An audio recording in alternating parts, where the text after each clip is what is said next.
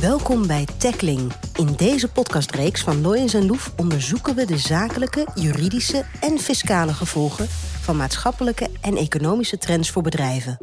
Mijn naam is Eline Ronner en in deze aflevering van Tackling duik ik in de wereld van de zorg. We gaan het hebben over de keuzevrijheid van patiënten om zelf te bepalen bij welke zorgaanbieder zij hun zorg afnemen. We hebben artikel 11 van de grondwet. En daar, daarin staat eigenlijk, hè, dat is het recht op uh, lichamelijke integriteit. En uit dat artikel vloeit voort dat als je ziek bent, dan moet je je in principe gewoon kunnen wenden tot een zorgaanbieder die jij wil benaderen daarvoor. Dus dat, dat, dat, ja, daarin mag je niet beperkt worden. Uitgangspunt is dus keuzevrijheid. Maar die keuzevrijheid wordt begrensd door de zorgverzekeringswet. En dat heet het hinderpaalstelsel. En daaruit blijkt dat je dus eigenlijk niet automatisch ook hè, die keuze voor die zorgaanbieder, dat is stap 1. Maar je hebt niet automatisch recht op volledige vergoeding van de rekening van die zorgaanbieder door de overheid of door zorgverzekeraars. En dat heeft gevolgen voor patiënten. Uh, soms gebeurt het dat mensen naar een zorgverlener gaan en naderhand de rekening thuisgestuurd uh, krijgen, terwijl ze dachten dat uh, de kosten volledig vergoed zouden worden door de zorgverzekeraar. Hè, dan blijkt dus dat uh, de zorgverlener waar ze zijn geweest niet gecontracteerd is door jouw zorgverzekeraar. Wat onderaan de streep betekent dat patiënten geld uit eigen zak moeten bijleggen. Dan is het zo dat de rekening naar jou wordt gestuurd als verzekerde.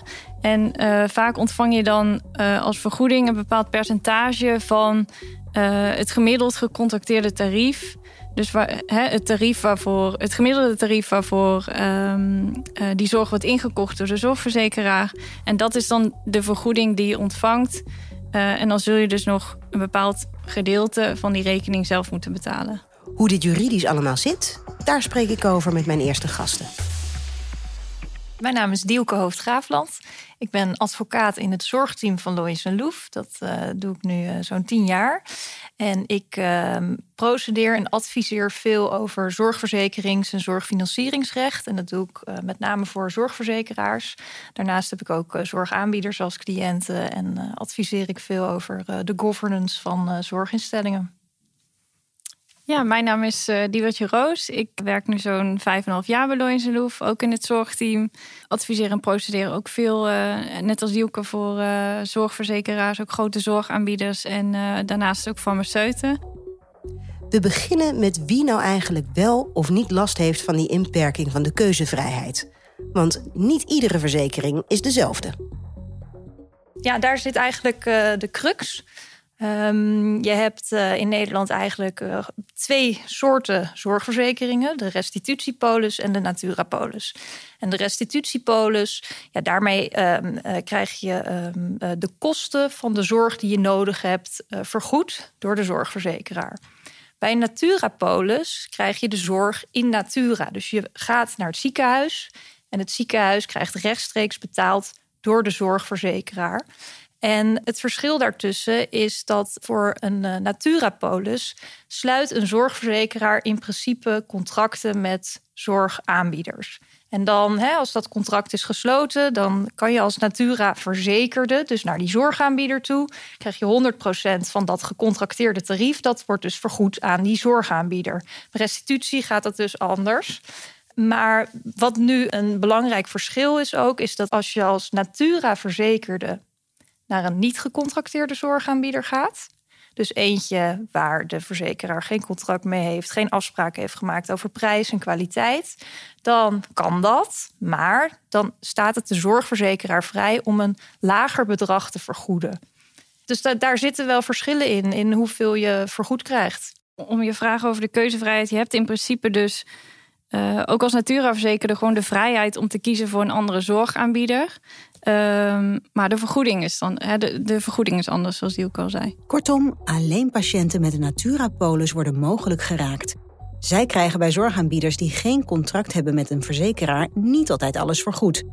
Maar is dat een beperking of worden verzekerden zo geprikkeld om naar gecontracteerde zorgaanbieders te gaan? Nou ja, dat de keuze van de zorgaanbieders kan beïnvloed worden. Met name wordt die denk ik beïnvloed door of het voor vergoeding in aanmerking komt of niet. Ik denk uiteindelijk dat het als verzekeren zijn om de kosten gaat en, dat dat doorslaggevend zal zijn voor je keuze. Geen beperking van de keuzevrijheid dus. Maar doordat bij sommige zorgaanbieders niet alle kosten worden vergoed, bestaat de kans dus dat patiënten niet voor die zorgaanbieder kiezen. Ik sprak daarover Dianda Veldman, directeur van Patiëntenfederatie Nederland. Wij komen op voor uh, het belang van de patiënt, van uh, mensen die gebruik maken van, uh, van zorg. En dat doen we in de eerste lijn zorg, huisartsen, paramedie, in de ziekenhuiszorg, in de verpleeghuiszorg en de wijkverpleging. En zij vertelt wat het hinderpaalstelsel in de praktijk voor patiënten betekent. nou, de zorgverzekeraar die bepaalt bij welke zorgverlener jij als verzekerde waar je naartoe mag gaan. Dus op het moment dat een, uh, een verzekeraar uh, van de zorgsoort die jij nodig uh, hebt in jouw omgeving, maar heel weinig ingekocht hebt en je hebt zo'n Natura-polis, zo'n budgetpolis, dan kan je een probleem krijgen, omdat je dan niet meer overal terecht kunt. Ja. En hoeveel patiënten worden naar schatting door het hinderpaalstelsel geraakt? Daar hebben wij geen gegevens over eigenlijk. Het is, het is een, een klein percentage. Het gaat met name om mensen die een, ehm, een eh, zorgpolis hebben eh, die veel uitsluit. En op welke manier hebben patiënten in de dagelijkse praktijk eigenlijk te maken met het hinderpaalstelsel? Soms gebeurt het dat mensen naar een zorgverlener gaan en naderhand de rekening thuisgestuurd uh, krijgen, terwijl ze dachten dat uh, de kosten volledig vergoed zouden worden door de zorgverzekeraar. He, dan blijkt dus dat de zorgverlener waar ze zijn geweest niet gecontracteerd is door jouw zorgverzekeraar. Dat is een manier waarop het speelt. Mensen die daar goed op letten en die voordat ze naar een zorgverlener gaan willen weten of die gecontracteerd is door hun verzekeraar, kunnen ermee te maken krijgen. Bijvoorbeeld omdat uh, ze op de website van de zorgverzekeraar daar niks over kunnen vinden. Terwijl ze wel een besluit moeten nemen, ga ik het volgend jaar weer bij deze zorgverzekeraar uh, blijven. En heel soms gebeurt het dat er wel sprake is van ongecontracteerde zorg, maar dat dat uh, dan zeg maar in een deeltje tussen zorgverlener en zorgverzekeraar geregeld wordt, zonder dat je daar als patiënt mee te maken hebt. Het gaat dus om een klein gedeelte van de patiënten, waarbij het kan voorkomen dat zij behandeld worden door een zorgverlener die niet volledig vergoed wordt. Soms lossen zorgverleners en verzekeraars dat dus op, maar meestal niet. Dan krijg je dus een rekening thuis, Diewertje en Dielke leggen uit wat dat betekent. Dan is het zo dat de rekening naar jou wordt gestuurd als verzekerde. En uh, vaak ontvang je dan uh, als vergoeding een bepaald percentage van uh, het gemiddeld gecontracteerde tarief. Dus waar, hè, het tarief waarvoor, het gemiddelde tarief waarvoor um, die zorg wordt ingekocht door de zorgverzekeraar. En dat is dan de vergoeding die je ontvangt. en dan zul je dus nog een bepaald gedeelte van die rekening zelf moeten betalen. En dat is dus overgelaten uh, aan de zorgverzekeraar. En vervolgens is de vraag: oké, welk tarief is dat dan? He, daar is natuurlijk over geprocedeerd. En zorgaanbieders en zorgverzekeraars hebben afgetast van hoe laag kunnen we eigenlijk gaan zitten? Hoe groot kunnen we de korting maken op dat uh, niet gecontracteerde tarief? En zo is het hinderpaalcriterium ontstaan. Dus uit de jurisprudentie is dat criterium ontstaan. En het hinderpaalcriterium betekent dat die korting die je zorgverzekeraar mag toepassen, nooit zo laag mag zijn dat de verzekerde een feitelijke hinderpaal ervaart om alsnog naar een niet gecontracteerde zorgaanbieder te gaan. Dus hè, in principe moet het gewoon mogelijk zijn dat je naar een niet gecontracteerde zorgaanbieder gaat, maar niet alles is mogelijk. Dus daar, daar zijn grenzen aan en dat is het hinderpaalcriterium. Nou, een Hoge Raad heeft daarvan gezegd in 2014 al: oké, in artikel 13 lid 1 van de zorgverzekeringswet, uh, hè, daaruit vloeit dat hinderpaalcriterium voort. Dus daar moeten zorgaanbieders en zorgverzekeraars ook in hun beleid en in hun polissen uh, rekening mee houden. En sindsdien wordt er dus heel veel geprocedeerd over die korting. Hè? Hoe bereken je die korting en, en waar ligt dan de grens en wie neem je als uitgangspunt? En nou, dat zijn allemaal elementen waar, uh, waar uh, wij als advocaten onze handen vol aan hebben. Ja, want hoe hoog is die korting dan? Hè? Vraag ik me meteen af. Ja, dat is dus de vraag. Nee. Nee, um, uitgangspunt ooit um, in de jurisprudentie was 75% van het gemiddeld gecontracteerd tarief. Dus dat betekent dat een zorgverzekeraar met 10 zorgaanbieders contracteert. En met de ene voor 8 euro voor een behandeling en de ander voor 14 euro en weer een ander voor 20 euro. Nou, dan nemen ze gewoon van die, van die 10 zorgaanbieders, nemen ze het gemiddelde gecontracteerde tarief. Dat is 100%. Als je um, vervolgens daar een korting op toepast, dan is dat uh, over het algemeen wordt 75% van het gemiddeld gecontracteerd tarief. Um, dat is de grens van waar die hinderpaal uh, ligt. En vervolgens is er heel veel discussie ontstaan van oké, maar is dat dan een keiharde grens en waar, kan je daar nog een beetje mee spelen? Nou, dat blijkt wel het geval in de praktijk. Um, maar het is dus lastig om te zeggen je kan er bijna geen bedrag aan koppelen. Dat is dus per behandeling kan dat heel verschillend zijn. Op behandelingen van 20.000 euro, 25% zelf betalen, is niet te vergelijken op een, op een behandeling uh, of een korte sessie van uh, 80 euro. Dus ja, we hebben het met name in deze jurisprudentie over percentages. Doorgaans wordt dus 75% van het gemiddelde gecontracteerde tarief vergoed. Maar er zit rek in dat percentage. En wat nou precies een gemiddeld gecontracteerd tarief is? Voer voor rechtszaken dus, zou je zeggen.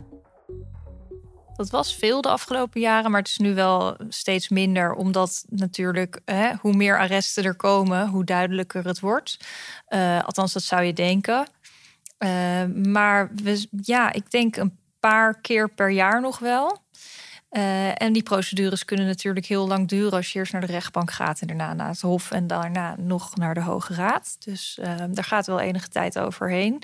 Wat belangrijker, denk ik, is, is de, de, de omvang van het onderliggende probleem. Hè? En hoe het ook in de politiek wordt geschetst als een soort, of in de politiek, in de media kan ik beter zeggen, politiek nog wat minder, is um, het verschil tussen uh, enerzijds het betaalbaar willen houden van de zorg en anderzijds keuzevrijheid van de patiënt. En zo wordt het een beetje gepresenteerd. Terwijl in de basis die keuzevrijheid is er gewoon. Hè. Kies een andere aanbieder of kies een andere polis of kies een andere verzekeraar. Uh, die keuzevrijheid is er. Maar die betaalbaarheid die komt onder druk te staan als steeds meer niet gecontracteerde zorg mogelijk is. En dat is natuurlijk waar, wordt, waar, waar continu op wordt ingezet door zorgaanbieders.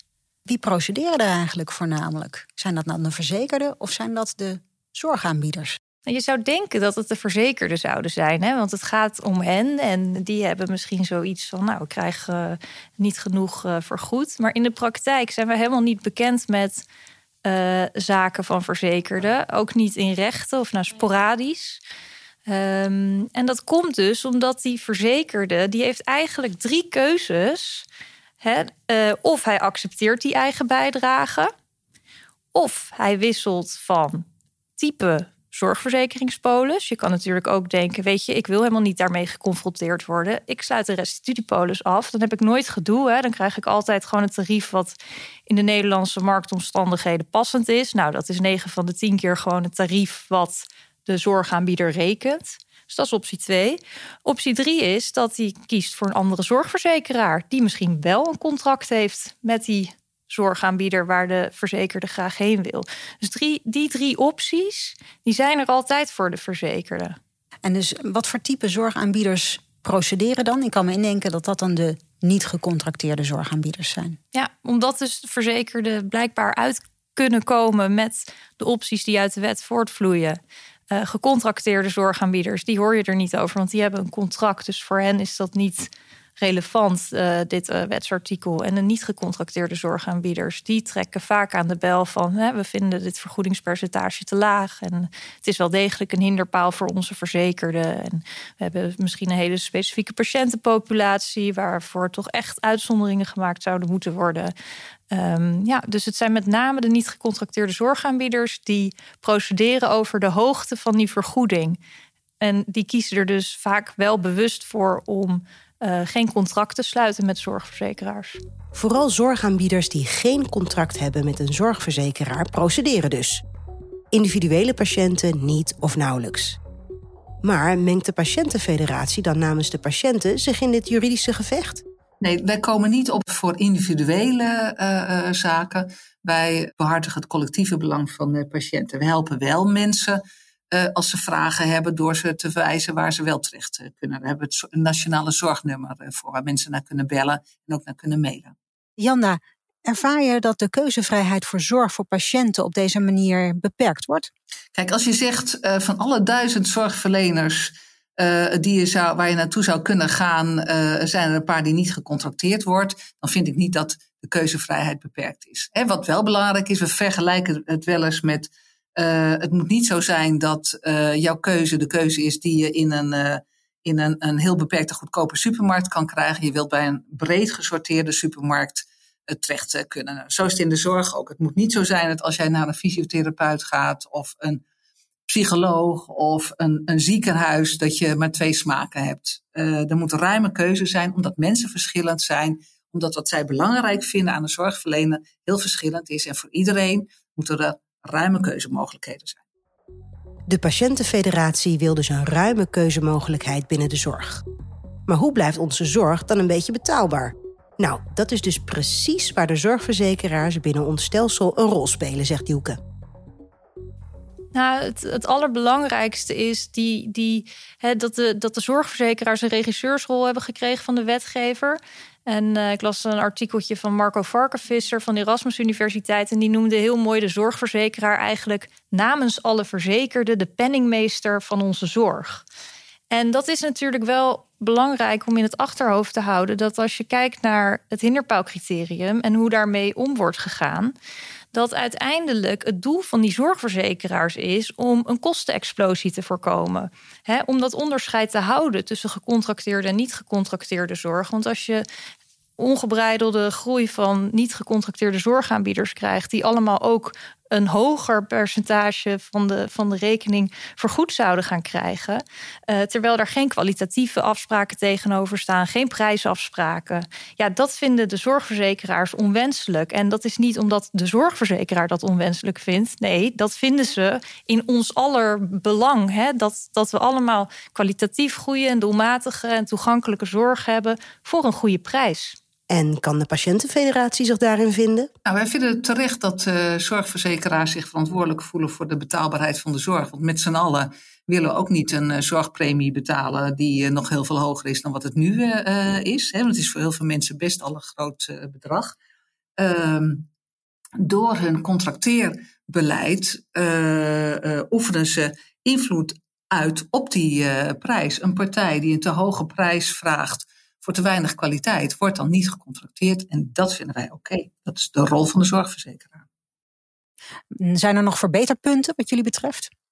Nou, wat we in elk geval heel erg belangrijk vinden, is dat als mensen een zorgverzekering kiezen, dat ze uh, zich heel erg goed realiseren wat zijn de beperkingen van zo'n verzekering. Dus als jij een budgetpolis uh, neemt, dat je hele goede voorlichting krijgt van jouw zorgverzekeraar over dat de consequenties kan zijn dat niet dat je niet naar elke zorgverlener toe uh, kan gaan. En wij vinden sowieso, dat is breder in de zorg, dat het uh, goed zou zijn dat er veel meer bekend wordt over wat de kwaliteit van individuele zorgaanbieders is. Dat dat transparant is. En dat is nu nog veel te weinig. Je moet nu toch van je buurvrouw of van je huisarts horen naar welke fysiotherapeut je kunt gaan, terwijl het aanbod veel groter is. Kortom, transparantie over hoe de polissen in elkaar steken. Maar ook over de kwaliteit van de zorg.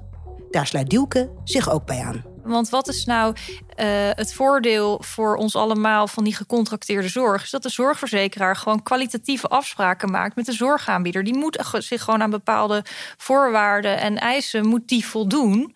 Uh, om de beste zorg aan die verzekerde te kunnen leveren. Die eisen, daar hoef je niet aan te voldoen als je geen contract hebt. Um, dus het dan wel vergoeden van, eh, van zorg waar niet die voorwaarden op van toepassing zijn. Althans, natuurlijk zijn er allerlei wettelijke voorwaarden, maar niet de voorwaarden van de zorginkoper, namelijk de zorgverzekeraar. Ja, um, dat heeft ook een, eh, een kwalitatieve consequentie waarschijnlijk. Het hinderpaalstelsel zorgt ervoor dat patiënten met de Naturapolis in ieder geval een deel, maar niet altijd alle zorgkosten vergoed krijgen ongeacht of de zorgaanbieder een contract heeft met de zorgverzekeraar. Wat wij daar als samenleving voor terugkrijgen is een zorgstelsel dat, hopelijk, nog een beetje betaalbaar blijft. Het alternatief is alles loslaten. Wat zou daar eigenlijk het gevolg van zijn? Diewertje ligt toe. Dus als het straks, hè, als je in, in feite eenzelfde vergoeding kunt krijgen voor een niet gecontracteerde zorgaanbieder, ja, en je zou dus kunnen shoppen inderdaad tussen gecontracteerd, niet gecontracteerd, en als verzekerde maakt het qua vergoeding iets voor uit, ja, dan is dat verschil tussen natura en restitutie bestaat dan in feite niet meer. En dan zou je dus, ja, het, wij krijgen dan de rekening gepresenteerd, want wij krijgen dan duurdere premies. Als alles bij iedere verzekering vergoed wordt, gaan we in die end dus de premies voor ons allemaal omhoog. En of dat nou wenselijk is, ik denk het niet. En de groep patiënten die mogelijk geraakt wordt, is maar klein. Vandaar waarschijnlijk dat er ook door patiënten maar weinig geprocedeerd wordt. Dus misschien functioneert dat hinderpaalstelsel wel. En leidt het niet alleen tot betaalbare zorg, maar ook tot kwalitatief betere zorg. Als zorgaanbieders patiënten ook nog eens direct informeren over de hoogte van de vergoeding, dan zijn we behoorlijk goed op weg. Want achteraf een rekening op de mat die je niet verwacht, dat wil niemand. Dit was Tackling, een podcast van Lois en Loef. Dank voor het luisteren. Wil je nou meer weten over zorgrecht en het hinderpaalstelsel in het bijzonder? Ga dan naar onze website en neem contact op met Dielke Hoofd Graafland of Diertje Roos. Tot de volgende!